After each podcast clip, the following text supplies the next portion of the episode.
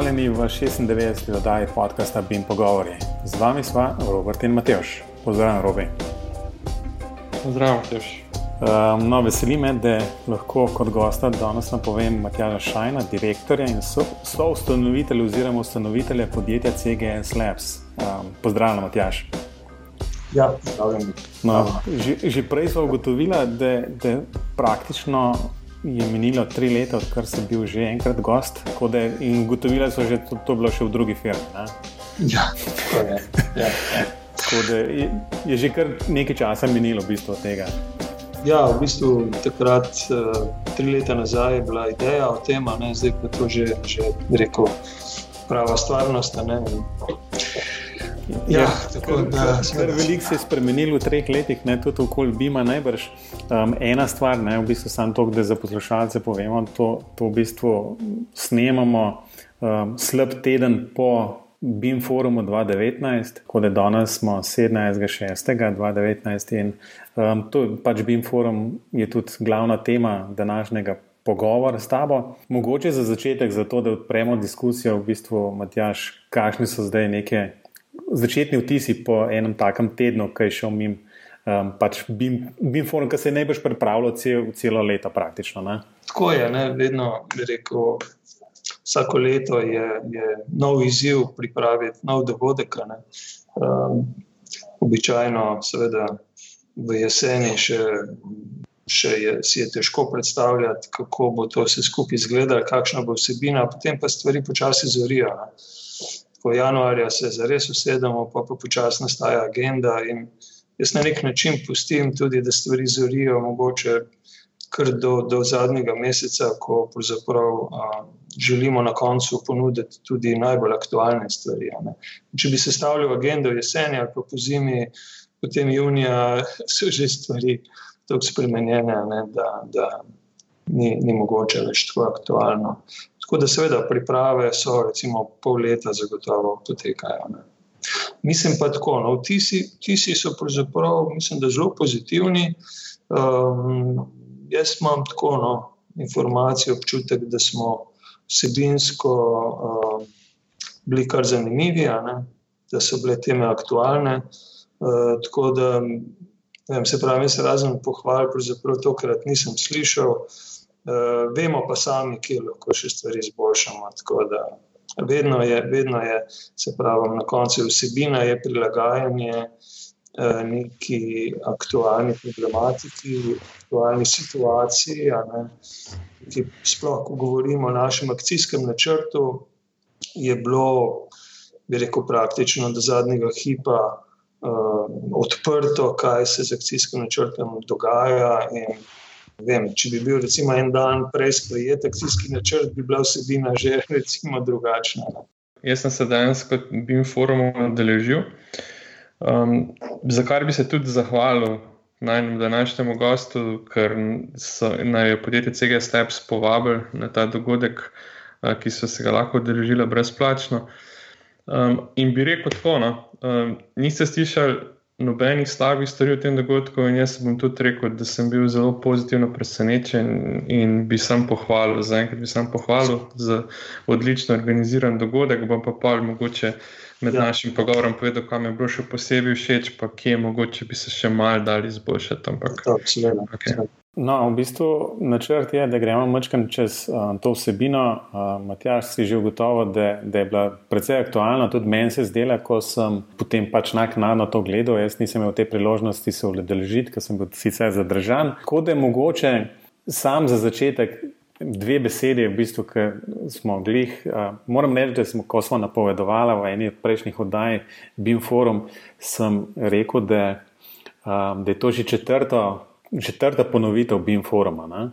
In, in na veliko presenečenje sem še šlo zadev.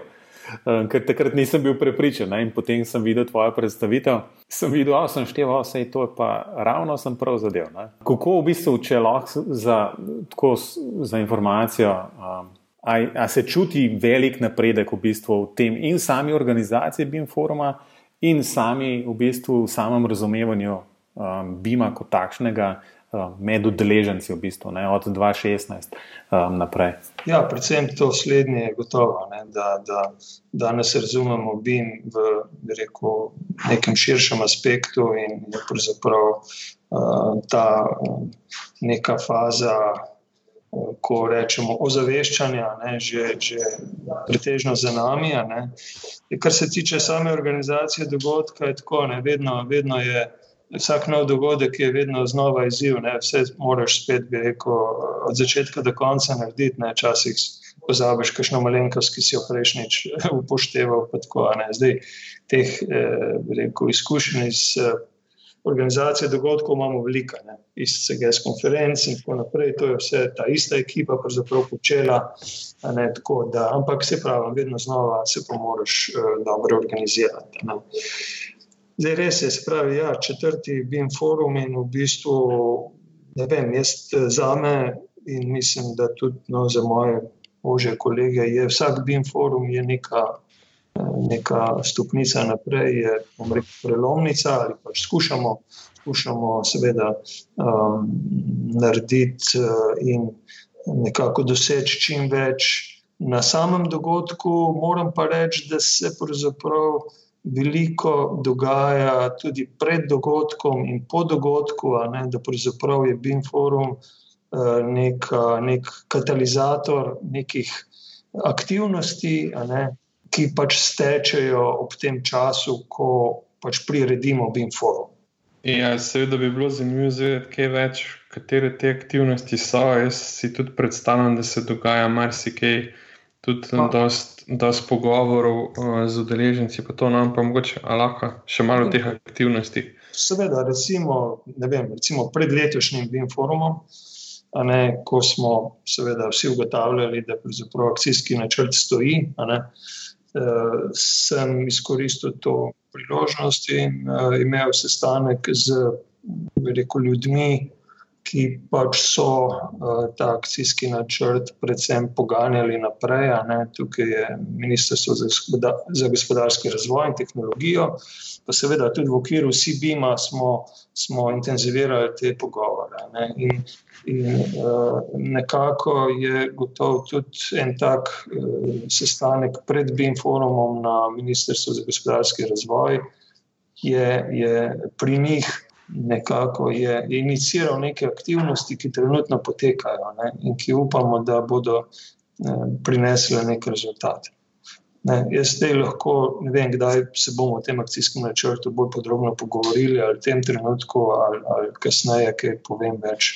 Ne, v bistvu mislim, da je kar primeren, um, primerno mesto, da je kaj o tem več rečemo. V bistvu, prej smo ugotovili, da je v bistvu BIM, oziroma ta akcijski načrt, tudi nekako vključen v deklaracijo BIM Foruma 2019 um, z, jasnim, z jasno željo, ne, da je to čim prej sprejeto, ker bo to pomenilo eno in nov zagon in v bistvu pač nekako dvignilo gradbeništvo na nek nivo, nov nivo, v bistvu, vsaj skozi naslednja leta. Tako da o samem um, akcijskem načrtu je, um, imela predstavitev, krajso predstavitev Ksenija Marc, uh, ki je predsednica zdaj Sibima. Kaj lahko v bistvu zvemo več, kar, kar bi morda slišali tam?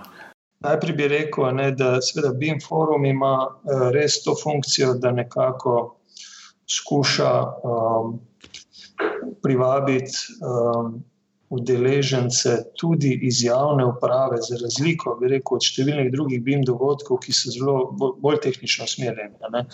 In, in tukaj, spet na BIM forumu, premikamo meje bolj v tem smislu rekel, organiziranosti države in inštitucij, ministrstev. Uh, in seveda, potem v zadju so zakonodaja, standardi, in tako naprej. In tukaj v bistvu pripravljamo neke podlage za to, da bo uh, gradbeništvo ali pa da rečemo vsa industrija, ki, ki pač sodeluje nekje na področju grajenega okolja, ne, da, da bo imela eh, neke boljše pogoje. Ne. Uh, to je ena stvar. Ne. Zdaj, akcijski načrt, če zelo na hitro pač, uh, ponovim, uh, tudi to, kar je Ksenija povedala, uh, praktično eh, je bil oddan pred uh, več kot letom dni. Pripravljali smo ga res uh, v zelo kratkem času, približno treh mesecev je bil pripravljen. Oddan je bil nekje februarja, marca 2018. in potem je šel v medresorsko usklajevanje na vladi Mira, Mira Ceranja. Ne. In je bilo to že, bi rekel, kar dosti dobro usklajeno. No? In nam je, bi rekel, prav res uh, se zgodila ta ta, ta smola na nek način, da je vlada takrat odstopila, ne, ker verjamem, da bi takrat bi bil verjetno akcijski načrt sprejet, če ne bi vlada odstopila. In potem je ne, se postavljala nova vlada. Zdaj moram reči, ne, da že preden je sploh. Uh, Preden se je sploh uh, vlada, nova vlada postavila, da smo imeli že določene kontakte z, z vladnimi strankami in smo že takrat zaznali določen, ha, rekel, določeno skepso do, do BIM-a in do akcijskega načrta. Prednja je bila vlada sploh ne, eh, postavljena in to se je žal potem izkazalo, da, da so res, rekel, v zadju neke sile, ki pač nam bodo to zadevo zavirale. Ne. In je potem je sicer um, je ta akcijski načrt Romo v drugo medresorsko usklajevanje, kar je bilo sicer šele pol leta kasneje, torej proti koncu leta 2018.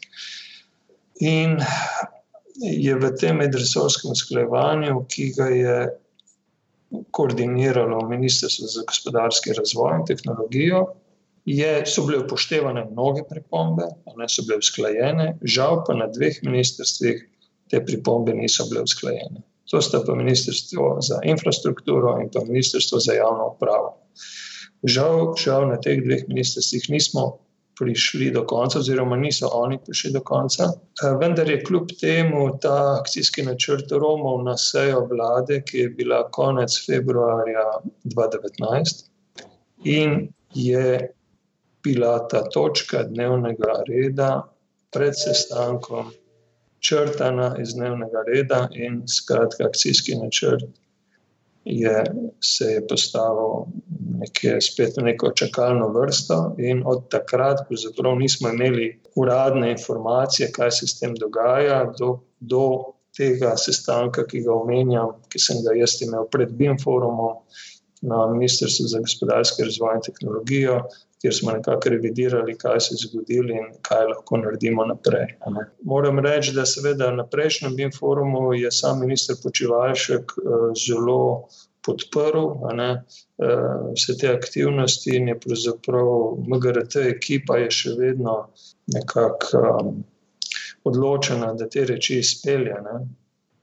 In uh, najnovejša informacija je, da gremo v, da rečem, v tretji poskus ne, uh, in uh, upamo, pričakujemo, želimo si, da bo ta akcijski načrt sprejet na eni od sej vlade v septembru. To je zdaj, bi rekel, nekakšen cilj, in si prizadevamo, da na nek način ja, pridobimo podpornike, da bo to šlo skozi. Mogoče bi jaz tukaj vprašal, zakaj je sploh tako pomembno, da se ta akcijski načrt sprejme in zakaj se toliko energije vlaga v ta akcijski načrt, če se pa zdi, da ga industrija v bistvu niti ne potrebuje, zato ker se itak giba v to smer. No, tukaj bi rekel, uh, upam, da ste prebrali akcijski načrt. Sem ga večkrat. Ja, akcijski načrt predvideva aktivnosti na področju zakonodaje, standardov, ne, rekel, izobraževanja in tako naprej. Eh, in te aktivnosti, pa recimo tudi omenjam, seveda, pilotne projekte. Eh, to so aktivnosti, ki zahtevajo določena finančna sredstva. Ne. To je pač neko, neko zagonsko obdobje, ki bi ga morala država podpreti, tako kot ga je podprla tudi v drugih, v drugih ne, razvitih državah. E, ni rečeno, da bo seveda država to potem podpirala naprej v nedogled, potem se gotovo mora gospodarstvo organizirati vendar temelji, temelji se pač morajo postaviti. Uh, konc koncev so, kot smo že govorili, javni naročniki državni denar ne, gre v velike projekte, infrastrukturne, v bolnice, šole in tako naprej. In um, je absolutno smiselno, da, da tudi država rekel, sprejme neke te smernice. Ne. Tako da, zdaj, seveda, brez akcijskega načrta je problem v tem, ker je usklajevanje aktivnosti eh, manj učinkovito. Ne, eh, potrebno je imeti nekoga, v našem primeru bi bil to Ministrstvo za gospodarske razvoj in tehnologijo, ki združuje vse te ključne akterje in jih enostavno povabi na skupne sestanke in tam eh, razpravljamo o teh zadevah. In ti sestanki so se v tekom nastajanja akcijskega načrta že dogajali. Ne, In uh, moram reči, da je bilo vključenih veliko ministrstv, bila so vključena stanovska združenja, univerze, gospodarstvo, ne, tako da je bila res ena taka dobra zastopanost. Ne, in uh, naslednji korak bi bil, seveda, po sprejetju akcijskega načrta, bi bil ustanovitev delovnih skupin, ki bi potem uh, skrbela za posamezna področja, da se razvijajo in seveda bi ob črpanju nekih sredstev, ki bi jih država tukaj eh, zagotovila, bilo to neprimerno lažje, kot če to gremo rekel, čistko na suha. Če, če pač tega akcijskega načrta ne bo, bodo stvari šle bistveno počasneje, manj organizirano, manj sistematično in bo na koncu bo to vse skupaj dlje trajalo in ne vem, kako bo to enotno. V tem, tem je pač smisel tega, da damo neko usmeritev, skupni zagon, potem pa bo seveda gospodarstvo in seveda javne inštitucije pa svoje naredile. Oče to, če nisem bil predolg zdaj v tem delu. Ne? Ja, v bistvu ne, ne nisi bil predolg. um, ampak v bistvu, ja, no, tako kot si, si pojasnil, se vsekakor vidi smisel tega akcijskega načrta. Predvsem jaz, jaz to pač vidim, se upravičujem, ker sem tako skočil, ampak v bistvu jaz vidim to predvsem to, ne, da industrija, tako kot je robi že ugotovila, ok, vse gre vse skupaj v neko BIM smer in digitalizacijo, ampak te stvari slejko prej trčijo ob državo. Nekak, ne? ne gledati, jaz sem te se bom pa zdaj tukaj tako, no, ne, ne gledati stvari.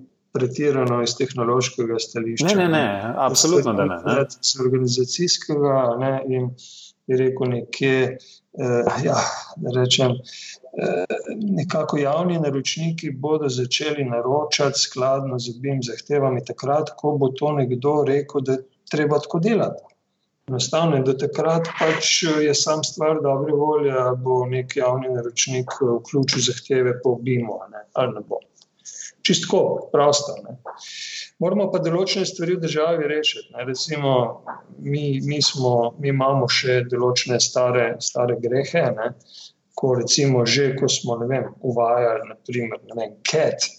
Ko smo vem, se ukvarjali z, z gradnjo velikih objektov, pravzaprav nismo imeli niti popisov del in materijalov sklejenih, ki je šele rekel, kakšne bolj precizne standarde. Ne. Tudi v CAD-u smo mi 20 let nazaj govorili o CAD managementu, ne, kako je treba stvari pa podatke urejati in imeti dogovorjeno. Ne. In tukaj smo mi bolj šlah. Ne. Recimo Nemci, Avstrijci so te reči imeli že prej ne, in jim je lažje, ker grejo samo na teh osnovah naprej. Mi pa moramo še nekaj stvari za nazaj narediti. In tukaj, brez tega, da nekdo udar po mizi in reče: To, fanti, zdaj pa to se pa moramo zmeniti, zdaj pa skrajni čas, ker brez tega pa bima ni. Če se mi ne bomo zmenili za enotne postavke, eh, gradbene postavke, potem se nimamo kaj pogovarjati. Ne? In to, to mora nekdo z neko avtoriteto reči. Ne? In mislim, da ministrstva, vlada imajo tukaj pač to avtoriteto. Ja, ampak za te, za te standardizirane ali pa poenotene gradbene postavke o tem dejansko res govorijo čisto vsi, ko se malo bolj resno ukvarjajo z BIM-om v Sloveniji. Ampak jaz to ne povezujem nujno s tem akcijskim načrtom, zato ker to enostavno bo moral nekdo ali bo to vlada kot največji naročnik največjih projektov, ali kdo bo mogel enostavno to začeti zahtevati, pa z akcijskim črtom, ja ali pa ne. No. Um, Samo rabiš eno prisilo in tukaj je priložnost, da to uredimo. Ne? Ker se pravi, ta problematika popisov del eh, ne, in materijalov je sestavni del akcijskega načrta. In to je, že, eh, to, to je tudi že bila predvidena delovna skupina, ki eh, se je začela že s tem ukvarjati, žal se zdaj so se stvari malo ustavljene. Ja, jaz bi na tem mestu v bistvu recimo, zaključil zgodbo o akcijskem načrtu za tale, za, za tale podcast za danes, ne? Uh, ker najbrž ne bomo prišli do konca. Mislim, da se vsi trije strinjamo, da, da bi bilo zelo fino, če akcijski načrt bi bil. Uh, mo, mogoče um, zrobijo to vidva kot posledico tega, da, da vsi že začnejo uporabljati BIM, um, pa potem jasno država spregleda in, in, in vidi smisel tega. Lahko je pa pač bolj tak top-down approach, v bistvu, kjer, kjer se najprej ministrstvo prepriča, oziroma vlada Slovenije, da, da je to pa nujno, in potem pač to oni udarijo s palcem in rečejo po ministrstvu, fanti, tako le se bo delalo. Mislim, da smo Slovenci um, predvsej nagnjeni na to drugo skrajnost. V bistvu, Ampak to je že morda tema za kakšen drug podcast. Tako da, v bistvu, če nadaljujem v tej smeri, tega, ker tle se spet dotaknemo um, Slovenije kot države, um, je pa predavanje oziroma predstavitev Andreja Tibauta um, o vključevanju Slovenije v organizacijo Building Smart. Um, ta zgodba se zdaj, se mi zdi, že kar nekaj časa vleče, oziroma ne, da se vleče v bistvu, no, ampak v bistvu želje so ne, v tej smeri. Um, Matjaš, kaj je bilo pa tam, ali pa robi tudi tvoj komentar na vsak način, ker si bil prisoten tam, kako v bistvu je neko vzdušje med prisotnimi bilo glede vključevanja v Building Smart. No, sej jaz, um, če se malo vključim, jaz s komorkoli sem govoril, ne, je bilo bolj tako, da, da kar je predstavil Andrej. Um, so pač neke želje, pa neko tipanje terena, na kak način bi se lahko vključili. S tem jaz tudi njegovo predstavitev razumel, da je tako vključitev v Building Smart um, v bistvu časovno ni tako zelo intenzivna, pa ni tako zelo časovno potratna, ampak jaz osebno sem pa dojel sporočilo, ki ga želim predati naprej, ne, da je najlažje se vključiti, ampak kaj pa potem. Ne. Um, jaz mislim, da bi bila res velika blamaža, da bi se Slovenija vključila v to delovno skupino, potem bi jo pa zaradi neaktivnosti ali pa nesoglasja ali pa česar koli že izključila, kot se je to zgodilo v Italiji. Um, sveda, sveda. Tak, da, ne vem, no, sicer pa po nekih, nekih informacijah ali pa ne vem. Po tem, kar sem jaz prej vedel o Building Smartu, se mi zdi, da v, v Building Smartu, če si samo član, pa če nisi vključen z nekim uh, primernim finančnim vložkom nekega, ne vem, nekih glasov, tako tak nimaš. No. No, najprej bi to razčistil. Ne? Član ne moreš biti, če nimaš finančnega vložka. No, ampak tudi ta višina finančnega vložka je različna. Um, niti ne, niti ne več. No. Zdaj tako, Andrej je res iz Helsinka prinesel. Če zadnje informacije, ki smo jih rekel, še nekoliko bolj podrobno slišali, tudi na pravnem odboru Sibima. Uh, in sicer uh, je tako, no, če sam to povem, da članarina znaša 20.000 evrov na leto, uh, in s tem dobiš v bistvu dva glasova na, njihovih srečanjih.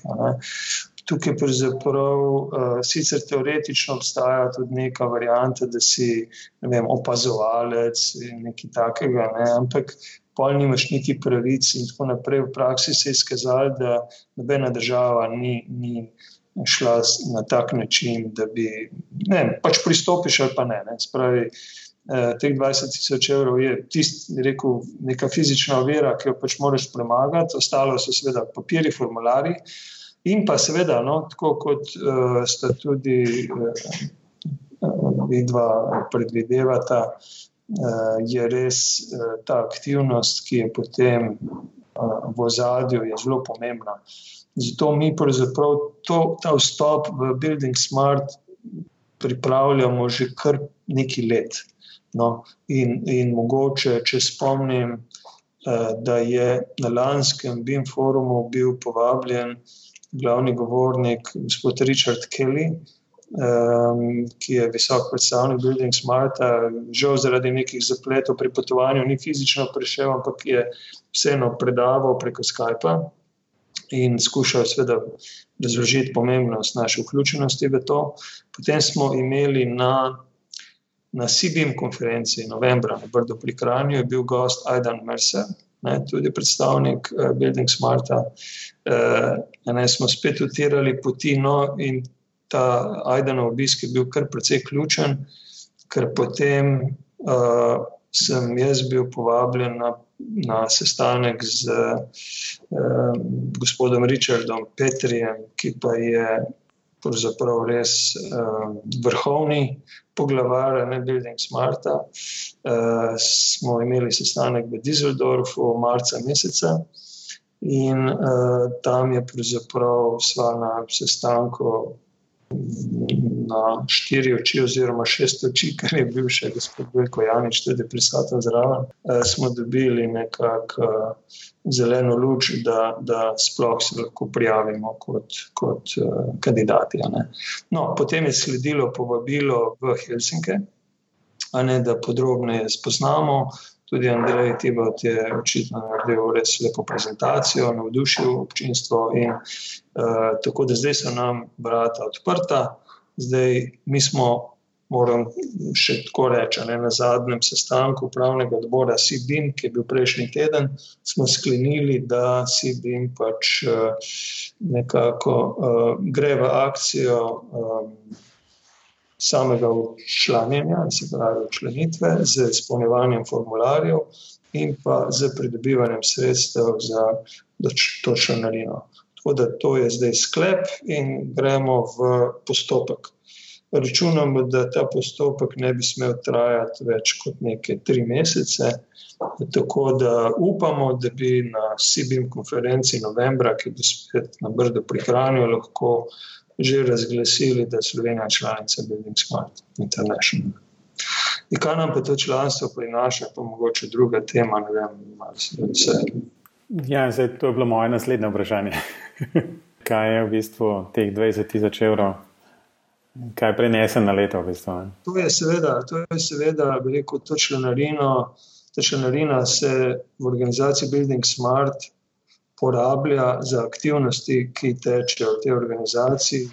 In moram reči, da, da enkrat, ko spoznaš te delovne skupine, eh, ko vidiš vsebine, ki se pač pripravljajo na tem, eh, res jaz lahko rečem, sam kapo dol vsem, ki tako aktivno na tem sodelujejo, za pravzaprav malo denarja delajo stvari, ki, od katerih bo imela korist cela rekel, gradbena panoga po celem svetu. In, in je pravzaprav po svoje nelogično, da ne vem, tistih, mislim, da je milijon in pol budžeta, koga že ima Building Smart, da samo toliko malo denarja se zbere za to, da se ti standardi pripravljajo. Ne. Zdaj, seveda, vsebina teh standardov, tukaj je najbolj izpostavljen IFC ne, in pa drugi. To so vse pač priprave vsebin, uh, ki grejo potem naprej v sprejemanje na ISO in CEN. Ne. Tako da to je res eno zelo veliko delo, ki se upravlja. Tukaj smo mi vabljeni kot, kot strokovnjaki, kot eksperti, da, da prispevamo, predlagamo, kako naj bodo stvari pripravljene, kako naj bodo zdefinirane. Ne. Po drugi strani pa seveda je naša naloga potem, da tukaj lokalno, v svojem lokalnem okolju, skrbimo za implementacijo uh, teh tehničnih standardov. Ne? Uh, nekako za veliko tudi popularizacijo in, in pravilno uporabo, in mogoče tudi neko lokalizacijo, če je potrebna. Ne?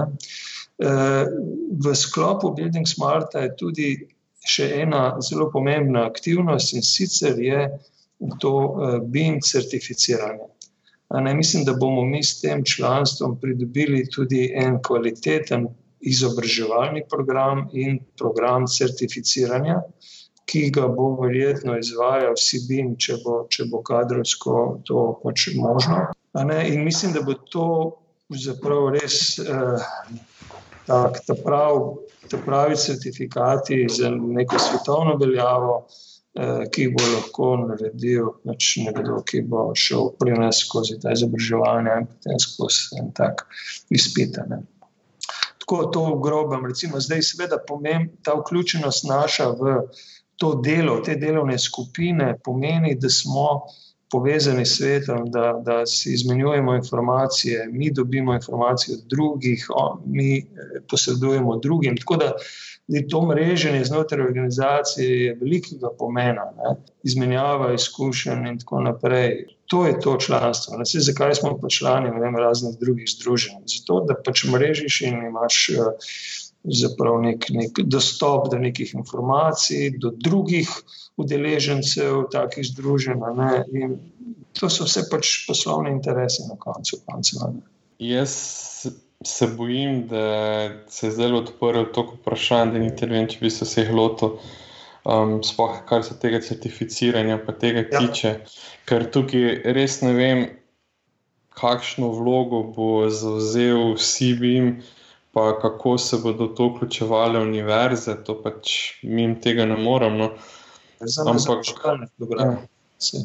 Ja. ja, no, ampak recimo, če, če izobraževalna ustanova skozi svoj izobraževalni program pač privedejo študente, strokovnjake do nekega znanja, zdaj kakšna je potem vloga tega certificiranja, pa kaj bi sploh certificirali, ampak sej. Ja, če jaz to prav razumem, je to tako bolj v začetni fazi, kot, kot že ja. neka znana zgodba. In, ni, ni v začetni fazi. Torej, Building Smart certifikat je svetovno priznan certifikat. In uh, s takim, bi rekel, iz, izkazom lahko nek strokovnjak pač kandidira po celem svetu ne, za, za neke, neka delovna mesta, ki pač zahtevajo ta certifikat. Se nekaj podobnega, ne vem, naša inženirska zbornica pač tudi daje na svoje potrdila, certifikate, ki jih pač moraš imeti, kljub temu, da si dokončal vse šole, ne, ki je potrebno, ampak na koncu je pa še le strokovni spit. Ne, tako da, če tega nimaš, potem nekaj manjka. Ne. Tako da to, to je pravzaprav. Je eh, rekel, svetovna organizacija, ki ima, kaj za ti certifikati, so enostavno cenjeni.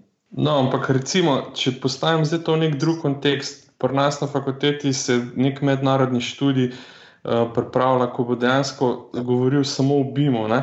In nek tak strokovnjak, ki bo šel čez eno letno šolanje, ki bo samo o BIM-u in povezanih tehnologijah, recimo ne bo imel enega takega certifikata, kot bi se podeljeval v okviru CBIM-a, pa Building Smart, pa kogarkoli. No? Meni se to zdi, ne vem.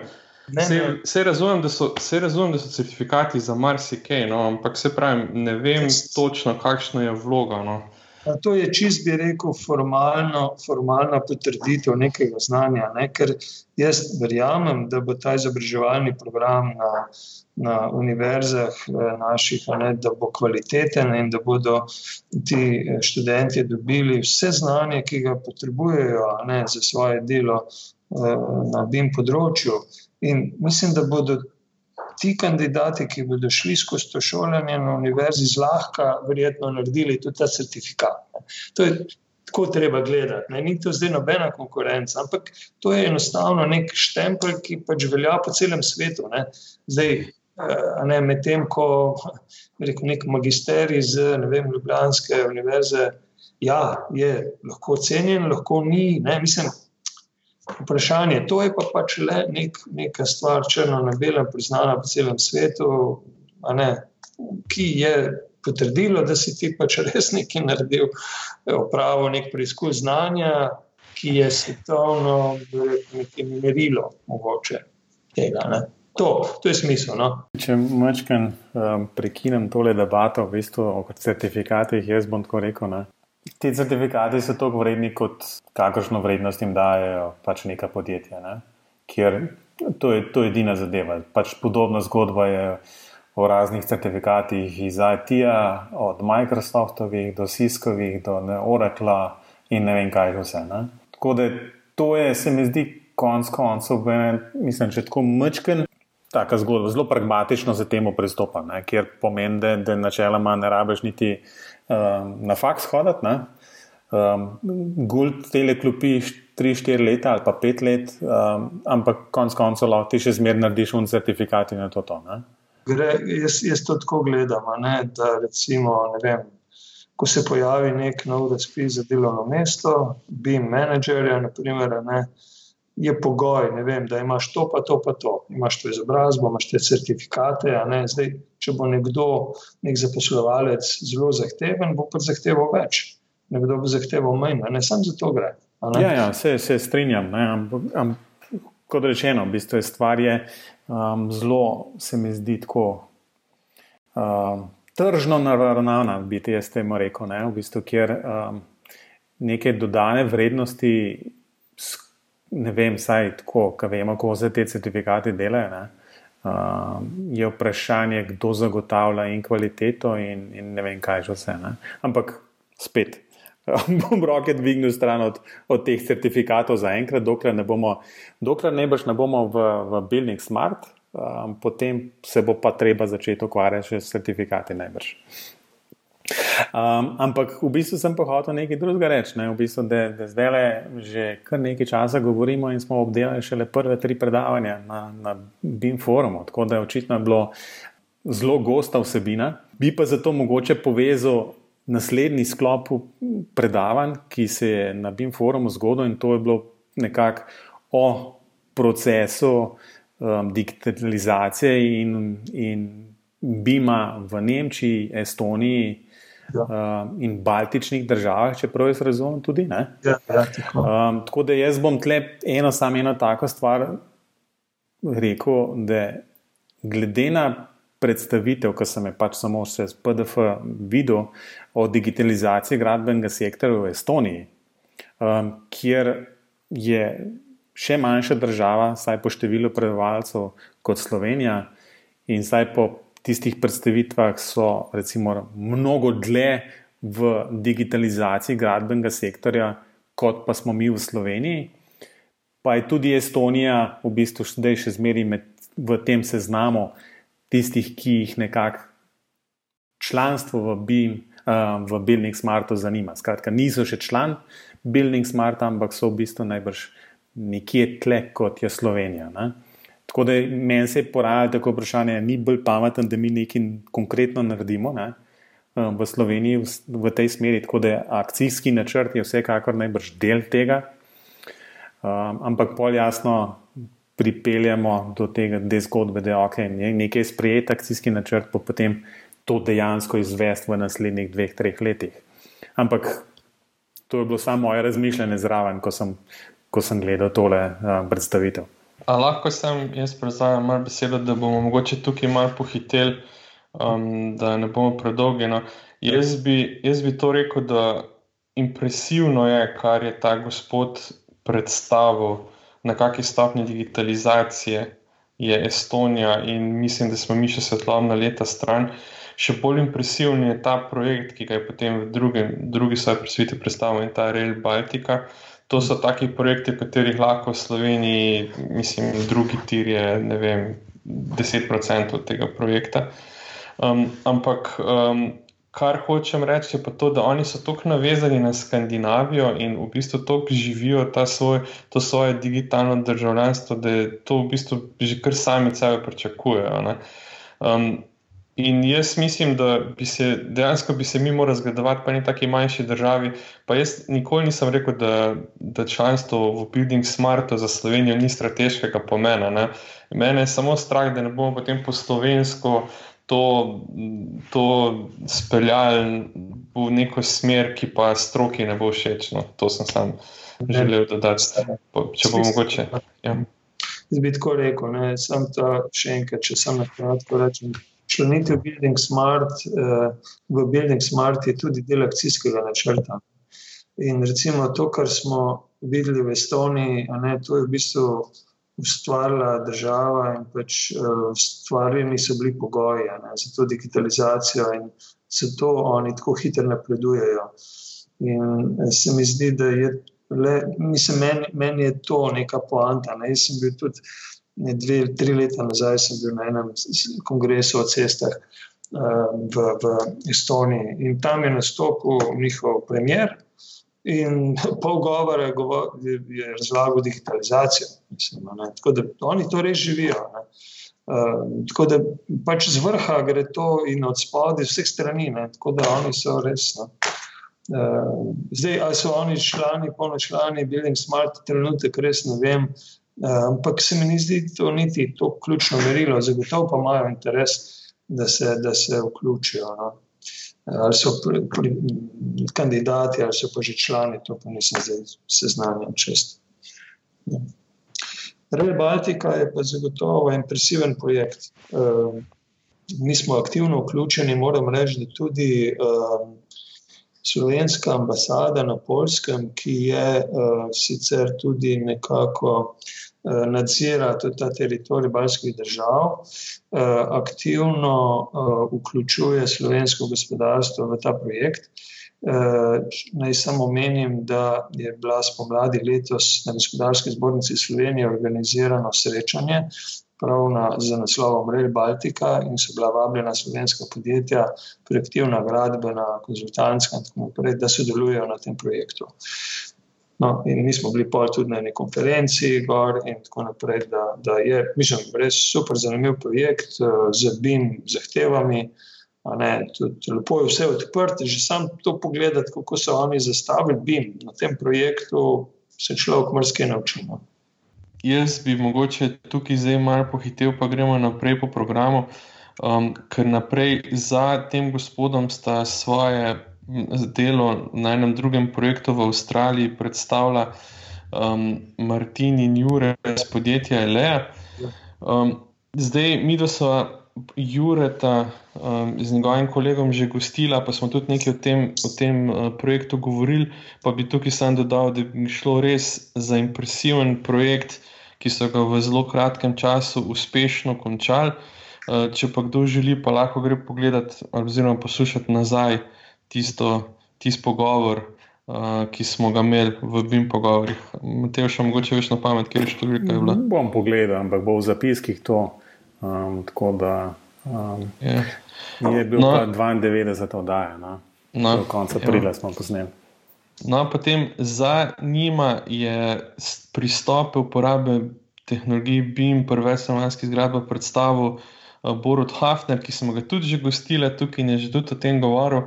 Mene bo zanimivo samo to, kako je predstavil v bistvu tri pristope k BIM-u, um, uh, ki so jih na treh različnih projektih uporabljali. Um, pa bo mogoče še kdaj priložnost, da ga bo povabila, pa bo zdaj povedal, kaj se noga na, tem, uh, na teh projektih dogaja. No.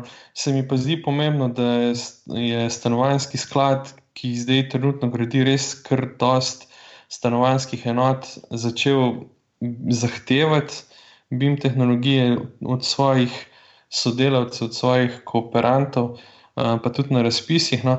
Ampak bi bilo pa zanimivo slišati, zdaj, kaj so se v zadnjih letih naučili, ker na začetku se mi zdi, da niso čist imeli razdeljene strategije uporabe tega.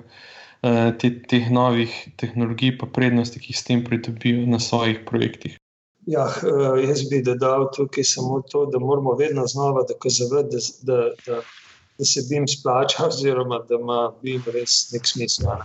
In eh, mislim, da moramo, moramo biti rekel, bolj plastični, bolj konkretni, bolj res moramo znati predstaviti koristi, ki jih je ogromno. Uh, vendar je to vedno znova izziv, vedno znova izziv. Tudi vem, ljudje, ki smo mislili, da so že prepričani, moramo znova in čistno enostavno povedati, ne, kje so stvari, ne, eh, ki so seveda na koncu koncev pa tako. Eh, Ena od koristi eh, BIM-a je transparentnost. Ne? In se bojim, da se to dogajanje kolekcijskega načrta in tako naprej nekomu ni preveč všeč, zato ker bo ta transparentnost večja. In, uh, nam so že govorili, tudi reko, svetovalci zunaj, so rekli, da ko ste prišli do transparentnosti, se vam pa lahko začnejo pojavljati problemi. Ne? Tako da ne vem.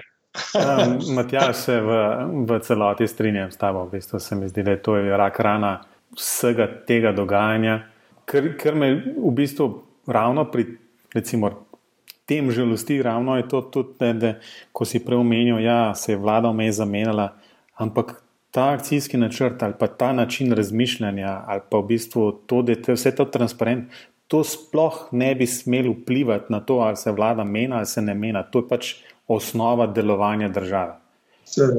In, in me, me je dejansko strah, da to se vleče zdaj eno leto samo zato, ker je najbrž nekdo ugotovil, da to bo pa, ne vem, projekt bo v prvi fazi stal, ne vem, toliko in toliko več.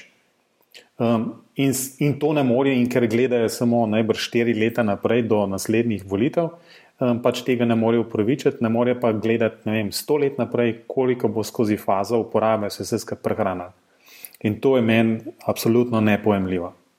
Nekaj, nekaj je gotovo na tem, ne, mislim pa, da je drugi del tak, če, če nismo rekel, preveč pesimisti. Mislim, da je drugi del nerazumevanje koristi te digitalizacije. In seveda tudi to, da ljudem se pravzaprav ne da. No, mislim, nekako najraje bi delali tako, kot so delali do zdaj. Ne, nima nihče prav velikega interesa, da bi se nekaj novega naučil. No. Redki smo, no, tisti, ki ne, nas to veseli. To, to je pa tisti, prav res tak praktičen problem. No, če vam lahko samo povem, jaz sem bil lani na eni konferenci Bild, ki je bila v Ljubljani. Ja. In je arhitekt, španski arhitekt, ki se zdaj le imena, žal ne bom spomnil, je govoril točno o istih stvareh v Španiji in tam se je vse ustavilo, zato ker so se, se je par največjih podjetij um, skupaj odločili, da se v to ne bo šlo zaradi, točno zaradi transparentnosti. In on je točno tako rekel. Tako da nismo no, edini. Najbrž, no. najbrž razlog za to niso navedli transparentnost, ampak so se skupaj zavili v druge. A, tako, še celo tako. So, ampak to je bilo pač čisto neformalno. On je pa povedal to, zato ker je šel ven iz tega. No, jaz bi sam tukaj to dodal, da v bistvu Evropska unija um, je, si je zastavila cilj desetprocentnega znižanja ne, rekel, ali prihrankov na gradbenih investicijah v okviru celotne unije. Se pravi, vsaka članica mora ta cilj doseči. Ne, in, in tukaj pravzaprav bo, bo, mislim, ne bomo mogli dolgo eh, glave tiščati v pesmi. To, to, to bi bila najbrž najbolj, najbolj zanimiv scenarij, ne, ker pač se, se za vse te velike investicije um, črpajo nekaj evropska sredstva in najbrž, da je Evropska unija v bistvu enostavno pač tam le komisija reče, fantje, če hočete vi ta denar črpati, tukaj boste vse skupaj vdali v BIMO. Um, pa je konc debate o akcijskem načrtu in, in tako naprej. In smo, no, malo na smeh sem obrnil. Um, ampak, Matjaš, veš, kaj mi nekaj pove, v bistvu, zdaj, ko smo proti koncu um, ja. tega, kakšna je bila pa hrana? Ma, tako bi rekel. Uh, no, jaz upam, da so bili, so bili deleženci zadovoljni. Mi, ki smo organizirali zadevo, in moj tim, Eh, recimo konkretno kolegica, ki je skrbela za to, da bo v hotelu vse super, uh, moram reči, da je bila zelo slabe volje. In da smo res z vsemi napori nekako te, te natakarje tam mi organizirali in priganjali, da je bilo na koncu konc gledalo v redu. No. Žal niso pri nas te storitve na takem nivoju, kot bi si želeli. Pa evo, izberemo najboljše hotele, in kljub temu ne dobiš tistih pet zvezdic. No. Žal pač ne, ampak bomo drugič. Jaz mislim, da bo prihodnje leto ena nova lokacija in upam, da bo s tem manj problemov. No. No, jaz bom rekel, da kot odreženec se mi ni več tako hodil, zdaj postrežba je bila bolj tako, no, ampak hrana pa se je bila pa čisto v redu. Ja. Nimam, kar se tega tiče, nimam nobene bistvene. No, to, to, to me je najbolj zanimalo, kako je videti um, iz strani organizatorja. Um, ja. Ker v bistvu, če, če robi, ti nisi več opazil, pa so oni dobro delo naredili. Ne? Da smo nekako to poštivali, ja. pokrpali, no, bi rekel. Ja. Je pa res, da sem bil na zadnji mizi, da takrat so se že naučili, verjetno. um, v redu, um, da ne bomo predolgi. Um, jaz, če se strinjate, v bistvu tole oddaje počasi um, pripeljal k koncu.